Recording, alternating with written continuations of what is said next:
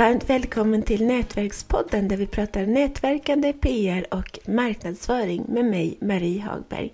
Och idag så har vi ett favoritämne i repris, nämligen copywriting. Och vi har en fin gäst, nämligen Lena Zetterberg Björk. Varmt välkommen Lena!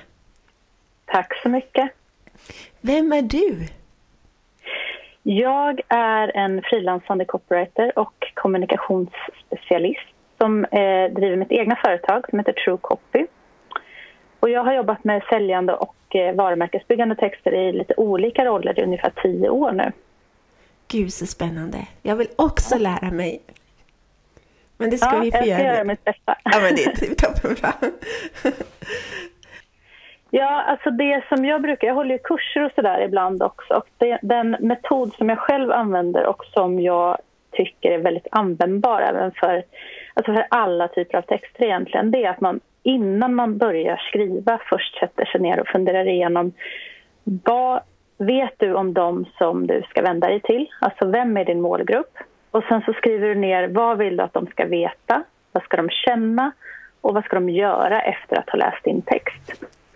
Då har du liksom alla beståndsdelar som måste framgå. Och just när det gäller målgruppen så handlar det om att du ska veta vad har de för förkunskaper och vad har de för behov och drivkrafter och så vidare. Så att du sen vet vad, hur ska du lägga upp din text helt enkelt. Men gud, jag älskar det För att den ska nå resultat. Mm. ja men det är superbra. Ja. Och när det gäller just eh, målgruppen, för det är ju egentligen ett, mitt första tips, eh, det är att när du utgår, alltså när du funderar igenom vilka de är, utgå inte från bara det här med kön och yrkesroll och var de bor och sådär eh, som brukar vara det vanligaste sättet att se på en målgrupp.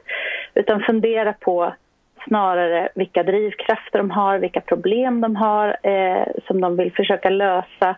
Vad har de för förkunskaper? Vad har de för eh, eh, relation till dig och ditt varumärke. Vad vet de om dig och din produkt? Vilken situation är de i?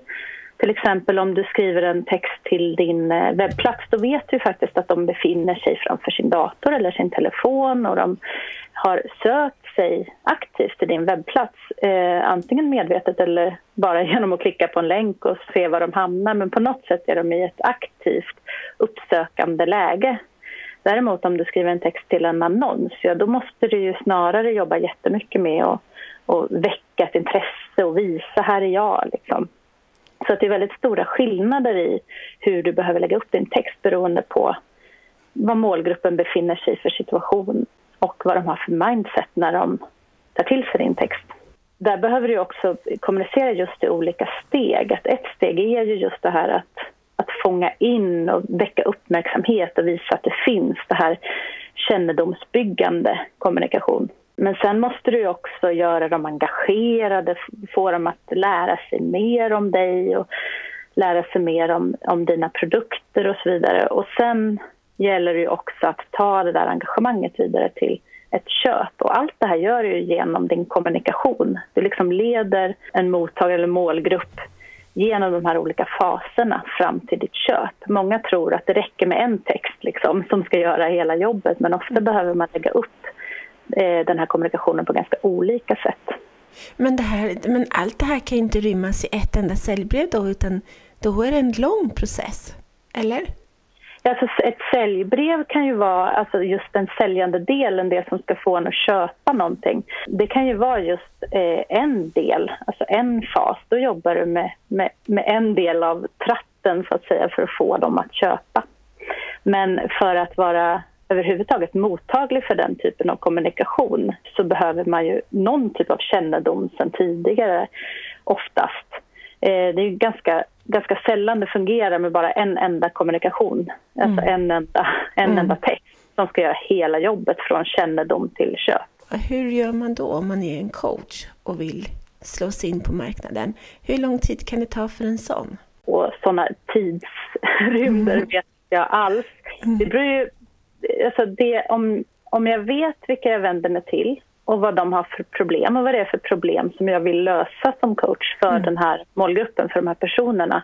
Och jag vet hur jag ska kunna fånga in dem, alltså utgå från deras behov och kunna trycka på dem och fokusera på hur jag kan lösa deras problem. Och jag fångar dem i rätt tillfälle för att det handlar ju om en coach, eh, även om man skulle kanske behöva en coach så är det ju långt ifrån alla som har den insikten eller vill lägga de pengarna eller den tiden. Så det är en ganska svår tjänst att sälja säga, om man skulle jämföra eh, med olika saker eftersom att det kräver ganska mycket av den som eh, ska köpa tjänsten. Både tid, pengar och självinsikt skulle jag säga. Mm. Och att vara ödmjuk för det och förstå att det här det är inte helt lätt för en köpare. För, och det, just det här målgruppsarbetet handlar ju mycket om att kunna sätta sig in i den personens situation. Att själv känna efter, hur skulle jag känna om jag fick den här kommunikationen? Eller hur skulle jag, vad skulle jag gå igång på om jag var i den här situationen? Mm. Och där är egentligen mitt nästa tips och det handlar om att bygga förtroende genom att skippa det här klassiskt säljiga. För att ofta när man tänker på säljande texter så tänker man att det, de består av mycket superlativ och adjektiv och det är billigt och det är bra och det är gott och det är snyggt liksom. Men sånt går vi väldigt sällan igång på faktiskt. Det är med de här djupare, eh, mer konkreta beskrivningarna av eh, en tjänst eller en produkt och vilket jobb den tjänsten eller produkten kan göra för mig. Det är de som man går igång på därför att våra hjärnor har ett väldigt effektivt skydd mot de här övertalningsförsöken och vi är ganska måna om att inte bli lurade. Och just de här superlativen, de sätter igång varningsklockor ganska omedelbart och då stänger vi oss istället. Mm. Så att då är vi inte alls öppna för att ta emot de här budskapen. Så det är egentligen mitt andra tips. Eh, då om man dessutom vill väcka känslor, vilket också är väldigt viktigt. Och det kan man ta det här exemplet med, med coachen då. Vad är det för känsla vi vill väcka hos mottagaren? Eh, och då kanske det inte räcker med att, så här, du, eh, att, att prata om att det är ett klokt val att gå till en coach eller så där, utan då får man, måste man vara ganska tydlig med vilka, vilken känsla är det jag vill väcka och hur väcker jag den känslan. Inte genom att tala om hur någonting känns utan genom att beskriva känslan. Och då brukar jag eh, använda en, eh, en övning både för mig själv men också när jag håller kurser själv. Och det är att försöka utgå ifrån sina sinnen. Om man till exempel ska beskriva någonting eh, så att du ska beskriva en våffla men du får inte använda ordet god mm. eller liknande som adjektiv, subjektiva adjektiv. Då plötsligt, poppar plötsligt ord som eh, frasig och nygräddad, gyllenbrun, eh, varm, söt. Den typen av ord upp. Och det är sådana ord som man faktiskt kan känna. När man hör eller läser sådana ord så vet man precis hur det där känns. Mm. Och det är då det börjar vattnas i munnen. Och det är den känslan som du vill uppnå. Det är den känslan som hjälper mottagaren att fatta snabba beslut. Smart. Smart, men det är inte, hur kommer man på, det är jättesvårt att komma på sådana ord. Ja, problemet är att vi har blivit ganska lata också. Det är liksom enklare att säga de här, ja men den var god. Liksom. Det, det, då behöver man inte tänka så mycket. Så det, men det handlar om övning och att just göra den där övningen, att känna efter. Hur är det det här känns? Om jag skulle vara den här eh, läsaren, den här mottagaren, hur skulle min produkt upplevas för den personen? Utifrån deras, liksom, vad som är viktigt för dem och så. Så det är en övningssak tror jag. Och sen handlar det mycket om att, och, eh, för att ta den här rakaste, mest effektiva vägen in i, i folks hjärnor och förbi de här barrikaderna som våra hjärnor bygger upp så handlar det om att vara väldigt rak eh, och inte krångla till det. Och många som tycker att det är roligt att skriva älskar att skapa så här underfundiga formuleringar och bygga upp meningar lite tjusigt och sådär.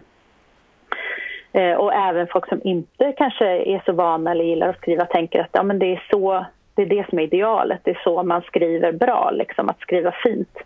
Men risken är ju då att språket liksom hamnar i vägen för det jobb som du vill att texten ska göra. Så det behöver inte vara så himla krångligt utan väldigt kort korta, raka, enkla meningar och framförallt använda den typen av ord som du vet att din målgrupp använder i sin vardag, liksom, som, som de går och tänker på hela tiden, då, då går det ju snabbare att nå fram mm. om du använder de begrepp som de redan känner till och använder ofta.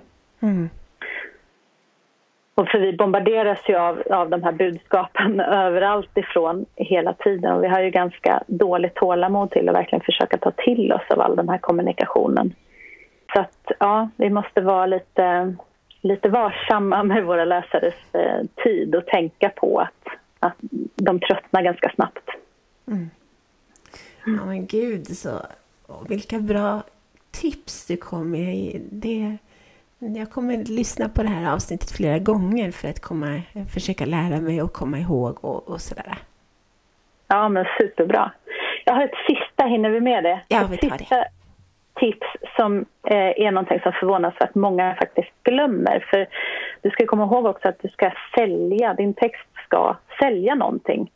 Eh, och då är det många som glömmer det här att slussa läsaren vidare till nästa steg i processen. Att man, man, glömmer bort att kommunikationen ska faktiskt göra ett jobb, den ska leda läsaren till nästa steg. Till exempel att köpa din produkt eller kontakta dig. Eh, det är ju det som vi kallar för call to action och den behöver ju vara jättetydlig. En kö stor köpknapp eller en jättetydlig länk för, eller en instruktion för hur man sen går vidare och, och skaffar den här tjänsten eller bokar det här coachingsamtalet eller så. Eh, mm. Och att inte ha för många sådana länkar som leder till olika ställen utan vara väldigt tydlig med vilken väg du vill att läsaren ska ta. Liksom.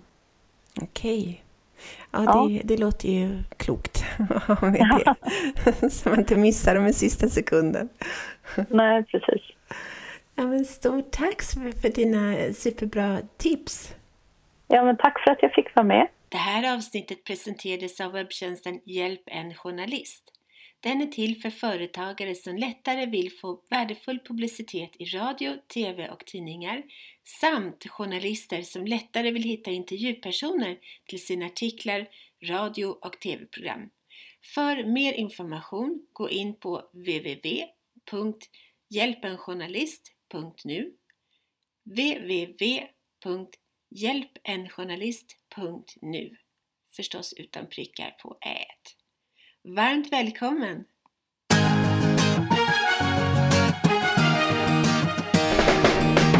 Tack för att du har lyssnat på Nätverkspodden om nätverkande, PR och marknadsföring med Nina Jansdotter och Marie Hagberg.